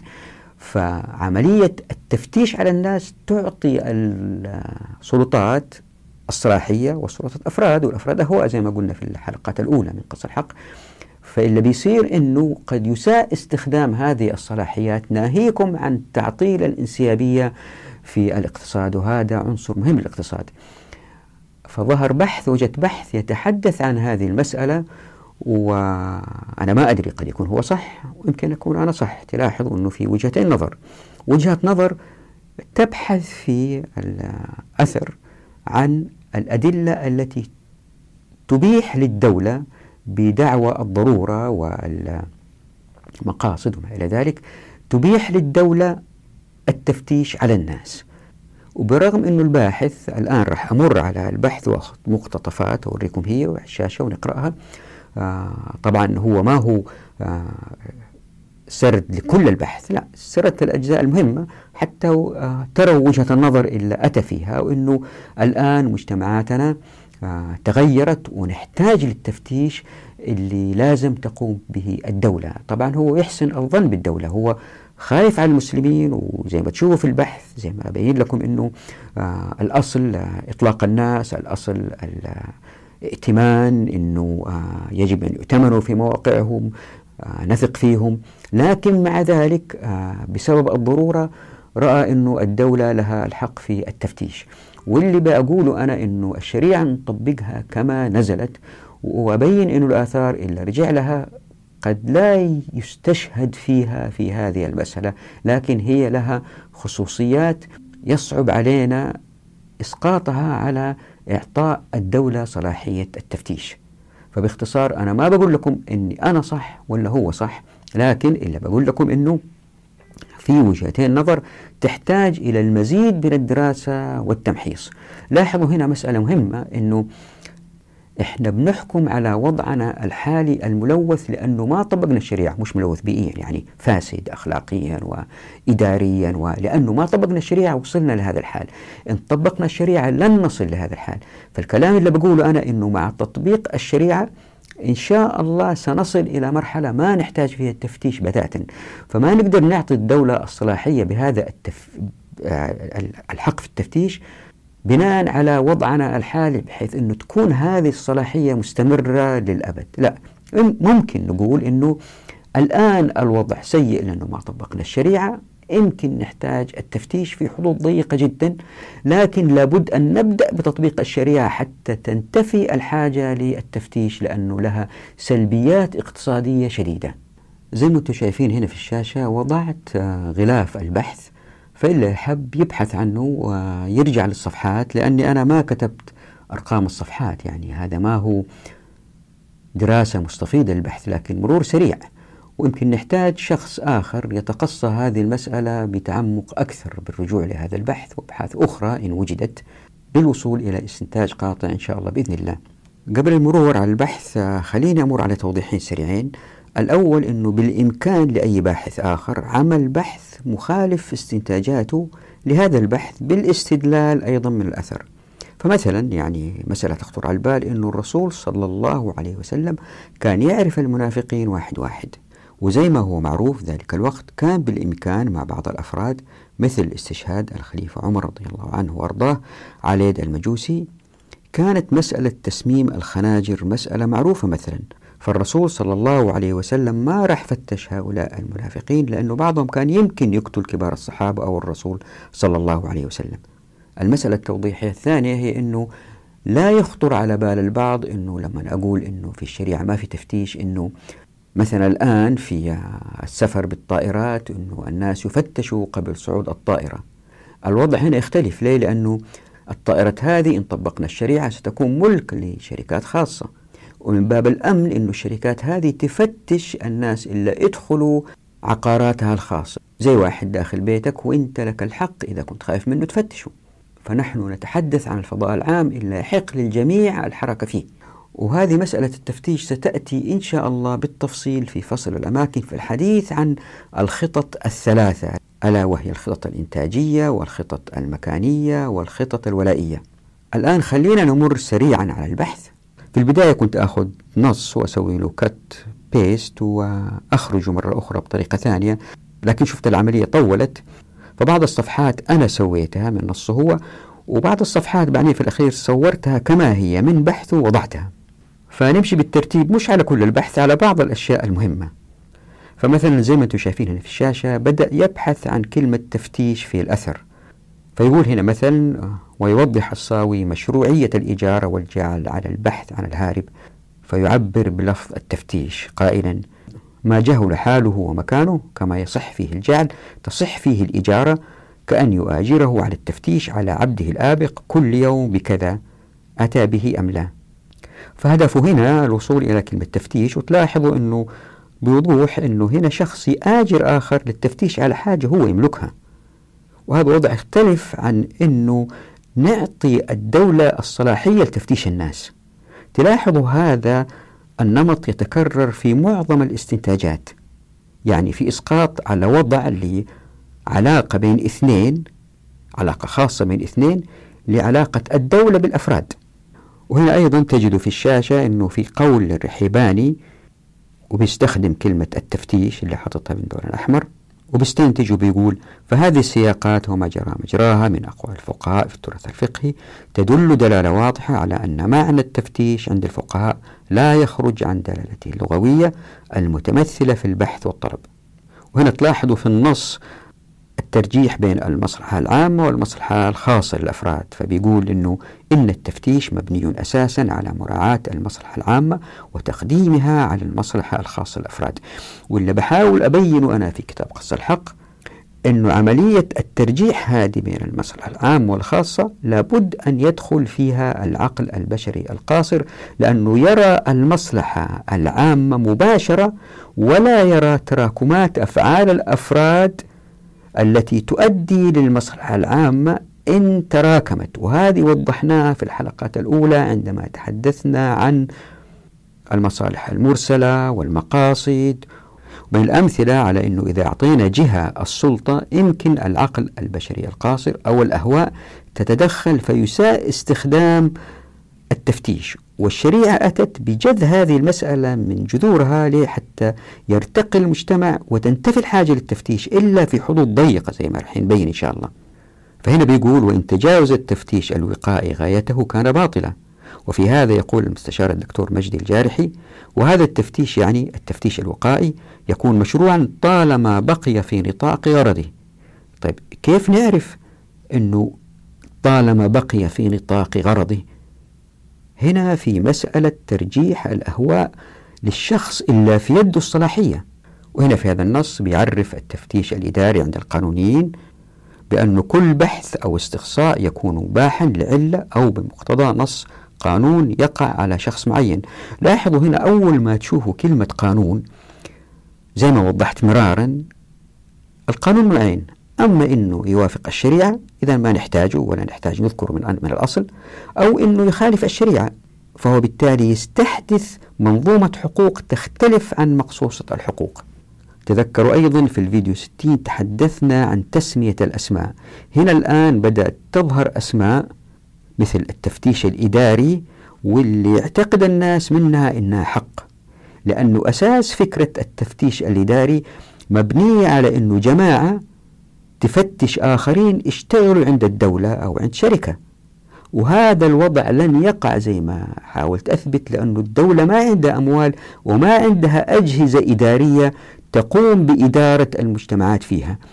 وما في داعي نفصل هذه المسألة تحدثنا عن الوفورات وعن الأوقاف وعلى كيف أنه مع تطبيق الشريعة والدولة ما عندها أموال المجتمعات تستطيع بنفسها من خلال الأوقاف من خلال الشركات التي توفر الخدمات تستطيع المجتمعات بنفسها القيام بما تحتاجه من خدمات من غير الدولة لأن الدولة تعني مال عام والمال العام يعني الفساد. فاللي بقوله أنه التفتيش الإداري هذا لن يظهر أصلا إن طبقنا الشريعة. الباحث حتى يثبت أنه في تفتيش لابد أن يبحث في الأثر القرآن أو السنة أو أفعال الصحابة ما يثبت أنه التفتيش جائز شرعا وأنه نحتاج هذه الأيام. فتلاحظوا هنا من قوله تعالى أعوذ بالله من الشيطان الرجيم يا أيها الذين آمنوا إن جاءكم فاسق بنبأ فتبينوا. طبعا واضح من الآية هنا أنه ناس وجاهم واحد وشكوا أنه فاسق وأتاهم بنبأ. فالقرآن بيقول لهم تبينوا من صحة ما يقول هذا الشخص الذي أتى. هذا وضع جدا يختلف على أنه الدولة تضع نقاط تفتيش للرايح والجاي عشان تشوف هو حامل سلاح أو لا. لا تنسوا أيضا لما تحدثنا عن العمل العسكري قلنا أنه عبادة وليس وظيفة وتحدثنا كيف أن الرسول صلى الله عليه وسلم حث الأمة المسلمة على أن تكون دائما متسلحة. ما في أحد من الصحابة أنكر على الصحابة الآخرين إلا كانوا يحملوا سلاح كان هذا كان هذا وضع طبيعي جدا. هل هذا يؤدي إلى أن الناس يقتلوا بعض؟ لا في تطبيق للشريعة القاتل يقتل. يا ريتكم ترجعوا وتقرأوا فصل المكوس حتى تتضح هذه المسائل. من الآيات اللي استشهد فيها أيضا قوله تعالى أعوذ بالله من الشيطان الرجيم إذا ضربتم في سبيل الله فتبينوا. هنا في نصيحة للأفراد إلا هم يضربوا في الأرض. يعني أنا رايح لمنطقة ثانية أبحث عن رزق عن معدن وخارج في سبيل الله من الأولى أني أتبين. فتلاحظ هنا استنتج من هذه الآيتين وقال وقد عقد الإمام البيهقي في كتابه السنن الكبرى بابا أسماه باب التثبت في الحكم. ثم ذكر في هاتين الآيتين الكريمتين وهو ما يشير من الناحية النظرية إلى جواز كل ما يفيد التثبت في الحكم. وهذا هو شأن التفتيش فيكون جائزا. في فرق بين أني أنا أتثبت في الحكم وبين أنه واحد يفتشني. وقد أطلقت الآية الكريمة الأخرى ضرورة التبين في كل حال عند الضرب في الأرض. يعني أنا لما أضرب في الأرض أنا أتبين. وهنا يبين زي ما أنتم شايفين وقوع التفتيش من الجهة التطبيقية وبيستنتج بقوله تعالى في سورة يوسف أعوذ بالله من الشيطان الرجيم فبدأ بأوعيتهم قبل وعاء أخيه ثم استخرجها من وعاء أخيه. وبالنظر إلى أقوال المفسرين زي ابن إسحاق والطبري بيستنتج ويقول واستفاد من هذه الآيات الكريمة جواز التفتيش خاصة في الاتهام بالسرقة لاستجلاء حقيقة الحال ويقول أيضا كما يستفاد منها أيضا أن التفتيش مسألة قديمة عرفها الإنسان عبر العصور وليس شيئا مخترعا أو حادثا في العصور الجديدة وإنما تم التفتيش في عصر نبي الله يوسف عليه السلام مما يعني أنه كان من شرع من قبلنا وشرع من قبلنا شرع لنا ما لم يأتي في شرعنا ما يبطله. والسؤال هنا أنه هذه حالة مخصصة ليوسف عليه السلام لأنه كان مسؤول بيفتش أخوه واحد بيفتش أخوه وليس تفتيش جميع الناس. والكيد فيهم لأن يوسف حاشا أن يفعل هذا أن يضع في حاجات الناس بعض الأدوات اللي استخدمها هو وبعدين يبدأ يفتشهم حتى يوقع فيهم. فما نقدر نستخدم هذه كدليل ونقول هذا شرع من قبلنا وأنه ما أتى في الشريعة ما يبطل هذا. لا الشريعة أتت بما يبطل هذا لأنه لا الرسول صلى الله عليه وسلم ولا الصحابة من بعده فتشوا الناس إلا في حالات سأمر عليها الآن أبينها إنها حالات استثنائية وليس نظام عام يشمل الأمة. ومن الآثار اللي بيرجع لها قوله تعالى أعوذ بالله من الشيطان الرجيم وتفقد الطير فقال ما لي لا أرى الهدهد. أم كان من الغائبين. وبيقول أنه التفقد هو طلب ما غاب عنك من الشيء وبين من اشتقاق تفقد أنهم توسعوا فيه فأطلقوه على طلب معرفة سبب الفقد أي معرفة ما أحدثه الفقد في شيء. فالتفقد البحث عن الفقد. ليعرف بذلك أن الشيء لم ينقص وهو يدل على إجراء التفتيش في الجملة. هنا الآن سليمان تفقد الطير اللي هو يملكها. يعني واحد بيتفقد شيء من الأشياء اللي يملكها. وهذا وضع يختلف أنه سليمان عليه السلام يضع جهاز إداري يفتش على الناس. هذا واحد صلوات الله وسلامه عليه بيفتش في أملاكه. وهنا وضعت في الشاشة ثلاثة لوح بيصل فيها الباحث إلى أن التفتيش الإداري هو ضرورة لحماية الأمن العام. فبيستشهد من قوله تعالى أعوذ بالله من الشيطان الرجيم. ولا يبدلنهم من بعد خوفهم أمنا وقوله تعالى وإذا جاءهم أمر من الأمن أو الخوف يذعوا به. وقوله تعالى الذي يطعمهم من جوع وأمان من خوف. أنه في ضرورة للمحافظة على الأمن العام والنظام وأن الدولة لها أن تضع القيود على دخول البلاد اللي تحكمها من الناس اللي يجوا من برا بقدر ما تستدعي الضرورة. وبعدين بيسأل هل يجوز هذا أو لا؟ حتى يجاوب على السؤال بيذهب للقواعد الفقهية في الشريعة الإسلامية إلا تنص على أن الضرورات تبيح المحظورات. الآن إلا لاحظت أنا أنه إذا استثنينا مكة المكرمة للناس غير المسلمين الدخول والخروج من غير إيقاف. هذه المسألة تحتاج بحث في ظروفنا الحالية اللي هي الدول الأخرى تمنع المسلمين من السفر إلى تلك البلاد هل لنا الحق نمنعهم أو لا؟ أو هل أن الاقتصاد عندنا ينتعش إذا كان سمحنا لهم بالقدوم إلى بلادنا؟ فمسألة أنه نضع حدود وما يدخلها الآخرين هذه مسألة يبغى لها بحث من الناحية الاقتصادية حتى نتمكن من استحداث قانون يمنع دخول هؤلاء إلى ديار المسلمين.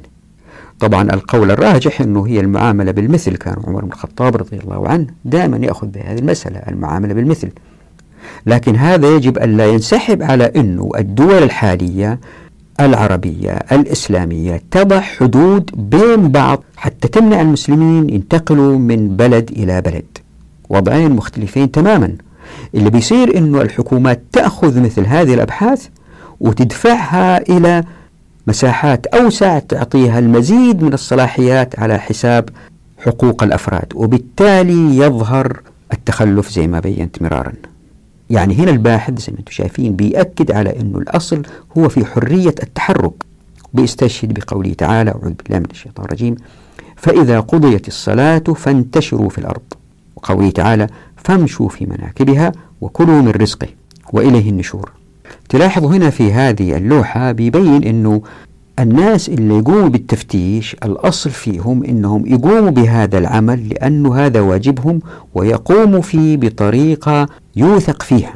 فيقول وإنما يقومون به حرصا على أمن كل مواطن يقيم في أراضي الدولة الإسلامية.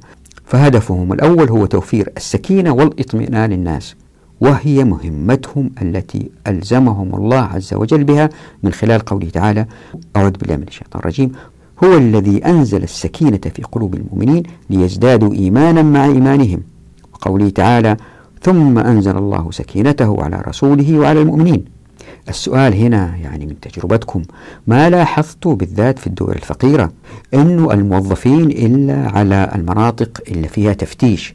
تعدي الجمارك تيجي تتفتش تدفع رشوة تمشي ما تدفع رشوة يوقفوك. وانت متحرك من منطقة إلى منطقة. في نقطة تفتيش تقدر ترشي أكبر راس. يندر تجد واحد ما يرتشي هذه الأيام. طبعا بعضهم عندهم نفوس لا ترضى بالرشوة لكن لأن الرشوة يمكن كانت قليلة. يعني تعال لواحد أمين مثلا وقول له بدال ما أعطيك ألف دولار أعطيك مليون دولار. هم قلة الذين لا يؤثر فيهم المال. بالذات في الدول اللي وضعها المالي جدا صعب. يعني يمكن بعض السكان في الدول النفطية يرفضوا هذا الوضع لكن إذا سافروا للدول الفقيرة يشوفوا أنه معظم المسؤولين يرتشوا. من تجربتي في عدة دول كنت أسافر بالسيارة تضع داخل الجواز كذا دولار تخلص أول واحد. ولأني كنت أرفض أضع أموال داخل الجواز كنت أتمرمط في الحدود. وهنا تلاحظوا أنه بيرجع للسنة النبوية حتى يرى إمكانية التفتيش الآن على الناس بالرجوع إلى السنة المطهرة فبيقول إنه في جهتين نظرية وتطبيقية وفي الجهة النظرية بيستدل بحديث بهز بن حكيم اللي قال في كل إبل سائمة وفي كل أربعين ابنة لبون وهذا الحديث وهذه الأحاديث اللي تتحدث عن الأموال الظاهرة والباطنة ومتى يحق للعامل على الزكاة أن يفتش أو ما يفتش هذه ناقشناها في فصل الأموال. ولا كلها زي ما تتذكروا كانت تكريم في تكريم إنه الدافع للزكاة هو المكرم. الشخص الذي يأخذ الزكاة يذهب إلى حيث مياه دافعي الزكاة. وتذكروا في أموال ظاهرة وأموال باطنة وتفاصيل كثيرة. إذا رجعتوا لها تستنتجوا أنه لا يمكن إسقاط هذا الحديث على تفتيش الناس في غير الزكاة وفي حدود ضيقة جدا. فمثلا هنا بيقول في الحديث دلالة واضحة على التفتيش وتقويم الأملاك أيضا للوصول إلى نصاب الزكاة ومعرفة ما يملك الشخص على الحقيقة.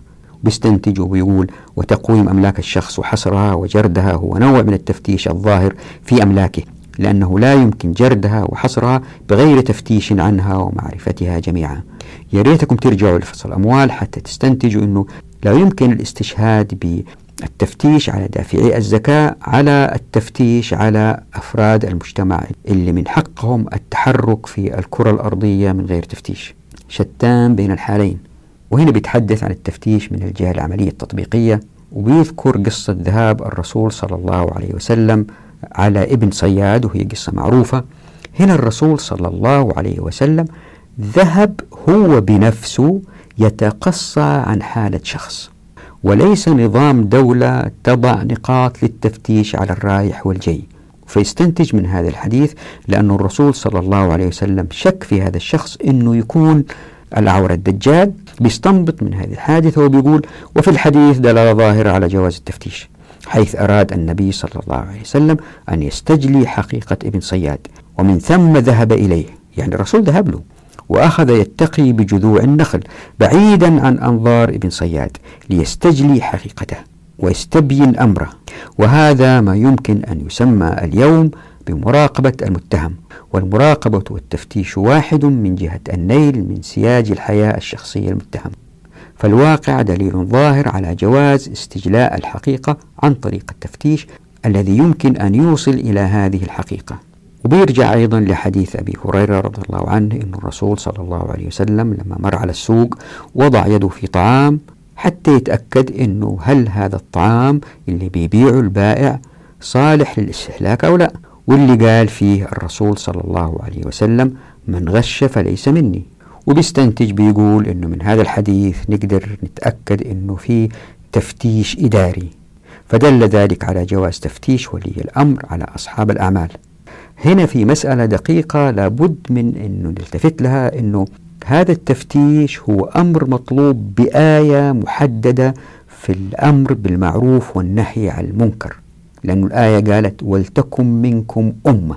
وهذه وضحتها في كتاب عمارة الأرض وبينت أنه الاحتساب هل هو فرض كفاية أو فرض عين وأنه عمل تقوم فيه على أفراد المجتمع. وهذه المسألة أظن موضحة في موضوع الحرية والضرر في عمارة الأرض في الإسلام. ناهيكم عن أنه التفتيش هنا لشخص بيعرض بضاعة على الآخرين حتى يشتروها. مو واحد رايح من مكان لآخر وشايل معاه بضاعة ووقفوه. فين جوازك؟ فين هويتك؟ أفتح الصندوق إلا في السيارة شوف إيش في داخل السيارة. ما يؤدي إلى تثبيط الاقتصاد. وهنا في النقطة الثالثة بيستشهد بالقصة المعروفة التي حدثت عندما قام حاطب بن أبي بلتعة رضي الله عنه وأرضاه بإرسال رسالة إلى قريش فالرسول أتى خبر وأرسل صحابة لتفتيش هذه المرأة لإخراج هذه الرسالة. وبيستنتج ويقول ويدل هذا الحديث على جواز التفتيش من جهة فعل الصحابة وبيقول في هذه القصة دلالة واضحة على مشروعية إجراء التفتيش لما فيه من إظهار الحق وثبوته. طبعا هنا الوضع جدا مختلف. ليه؟ لأنه كانوا متأكدين أنه هذه المرأة عندها خطاب وأرسلوا خصيصا لها. وهذا يختلف تماما عن أنه نضع نظام إداري لكل الدولة لكل الأمة يفتش الرايح والجاي. بالنسبة لي أنا صعب جدا الاستنتاج من هذه الحالة على جواز التفتيش على عموم أفراد المجتمع شتان بين الحالين. وفي النقطة الرابعة بيستشهد باللي حدث على أسارى قريضة واللي كانوا ينظروا فيه إلى فرج الغلام فإذا راه قد أنبت الشعر ضرب عنقه وأخذ من لم ينبت فجعله في مغانم المسلمين. وهنا بيقول أنه في تطبيق عملي للتفتيش بقصد استجلاء الحقيقة. وقد كان الأسرى من بني قريظة يدعون عدم البلوغ فكان الصحابة يكشفون عن فروجهم بأمر الرسول صلى الله عليه وسلم. طبعا هنا واضح جدا أنه في اختلاف شديد بين هذه الحادثة الكشف على أعداء تم أسرهم كيف يمكن تسقط على أنها تستخدم لعموم المسلمين؟ لذلك زي ما كررت قد يكون الشخص هذا الباحث على حق وأنا غلطان. نحتاج أن نبحث في هذه المسألة أكثر. وهنا بتشوفوا في المطلب الثاني وقوع التفتيش من الجهات التطبيقية العملية بيستدل بعض الآثار. طبعا أنا ماني ماشي بالترتيب بحيث أني أغطي كامل البحث. لا فقط بعطيكم عينة من الاستشهادات اللي رجع لها الباحث حتى يستنتج أنه التفتيش جائز وأحيانا مطلوب. بس إذا تلاحظوا أنه هو قلق جدا من إساءة استخدام السلطات لهذه الصلاحية. جزا الله خير. فبيبين يعني وما في داعي يبين هنا أنه المسلم مؤتمن وأنه وأنه. فهذه أشياء معروفة. ما في داعي نشرحها بس ببين النقاط اللي أستنتج منها على جواز التفتيش. فمثلا هنا في الحادثة الأولى بيذكر قصة الفتاة اللي وقع منها الوشاح الأحمر وجاءت حدا وشالته وشكوا فيها وفتشوها فبيستنتج أنه التفتيش كان شيء موجود. وطبعا زي ما قلت هذه حالة خاصة جدا لأنهم افتقدوا شيء في خلال وجود الفتاة ففتشوها وطبعا هذه الحادثة يصعب إسقاطها والاستنتاج أنه يجوز تفتيش عموم الناس لأنه هذه حالة خاصة في إنسان مشكوك فيه. وفي النقطة الثانية بيستشهد بقصة قتل ابن الزبير رضي الله عنه. يعني عبد الله بن الزبير لما انتصر عليه الحجاج ودخل منزله وجد صندوق وفتحه. وكتب إلى عبد الملك بن مروان وقول له عندما تفتش جيب معك جماعة من قريش حتى يكونوا شهود وبيقول هنا أنه وجه الدلالة في هذه الواقعة واضح جدا لأن الحجاج بن يوسف الثقفي دخل منزل الزبير رضي الله عنه بعد مقتله السؤال هنا للفقهاء هل يمكن أن يحتج بفعل الحجاج بعبد الله بن الزبير رضي الله عنه للاستنتاج بجواز التفتيش؟ أنا لست فقيها ولكن يعني بالنسبة لي من الواضح أنه صعب جدا الرجوع إلى فعل الحجاج كدليل. وفي الأثر الثالث بيتحدث عن أم موسى وكيف أنه كتمت أمرها عندما حملت وأنه كان في وقتها تفتيش من قبل فرعون وجنوده وبيقول أنه وهي قصة تشهد لوجود التفتيش وتفعيله من أجل تطبيق قوانين الدولة. ممثلة في أوامر الفرعون الذي أمر بالتفتيش عن المواليد الذين يولدون في السنة التي حددها وقتلهم وهو ما يعني أن التفتيش يعد من الإجراءات القانونية المعروفة والمعتمدة منذ أقدم العهود. زي ما قلت أنا لست فقيه لكن كيف الواحد يستشهد بفعل فرعون على إيجاد حكم لأيامنا هذه؟ ومن المسائل اللي رجع لها حتى يناقش مسألة التفتيش هي القواعد الفقهية فمر على الضرورات تبيح المحظورات ومر على قاعدة الضرر الأشد يزال بالضرر الأخف وعلى قاعدة الضرر يزال. وجميع هذه القواعد تحدثنا عنها في الحديث عن القذف بالحق وتحدثنا عن المعتزلة المعاصرين وتحدثنا على كيف أنه تطبيق هذه الاستنباطات التي تأتي باستخدام هذه القواعد ولأن العقل البشري لا يعلم الغيب تطبيق هذه الأنظمة والقوانين المستنبطة من هذه القواعد يؤدي إلى استحداث منظومات حقوقية قد تخالف الشريعة أحيانا. هذا إن لم يكن دائما. وإذا تتذكروا في هذه المسألة تحدثنا عن نزع الملكية وتحدثنا أيضا بالتحديد عن نزع الملكية حول المسجد الحرام.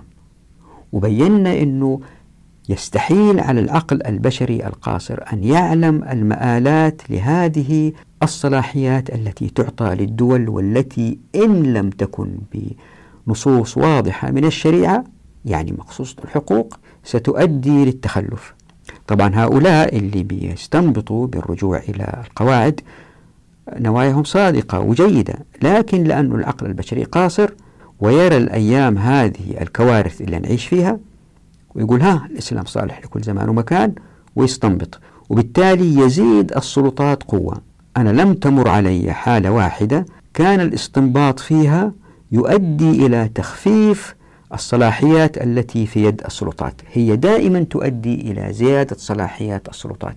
كنت دائما أقول ولا زلت أقول أعطوني مثال واحد باستخدام هذه القواعد بالمقاصد بالمصالح المرسلة بالسياسة الشرعية.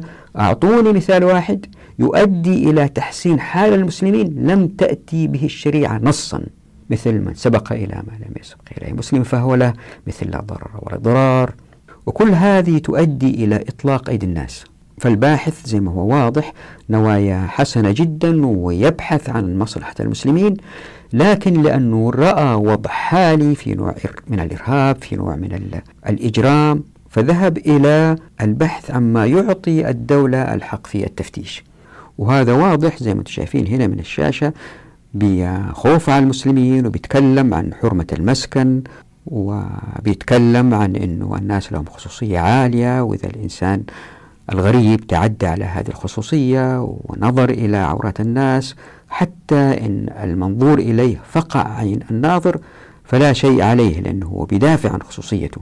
فمثلا هنا بيذكر حديث أبي هريرة أن النبي صلى الله عليه وسلم قال من اطلع في دار قوم بغير إذنهم ففقأوا عينه فلا دية ولا قصاص. وحتى يأكد على استقلالية الأفراد وضمان أمنهم.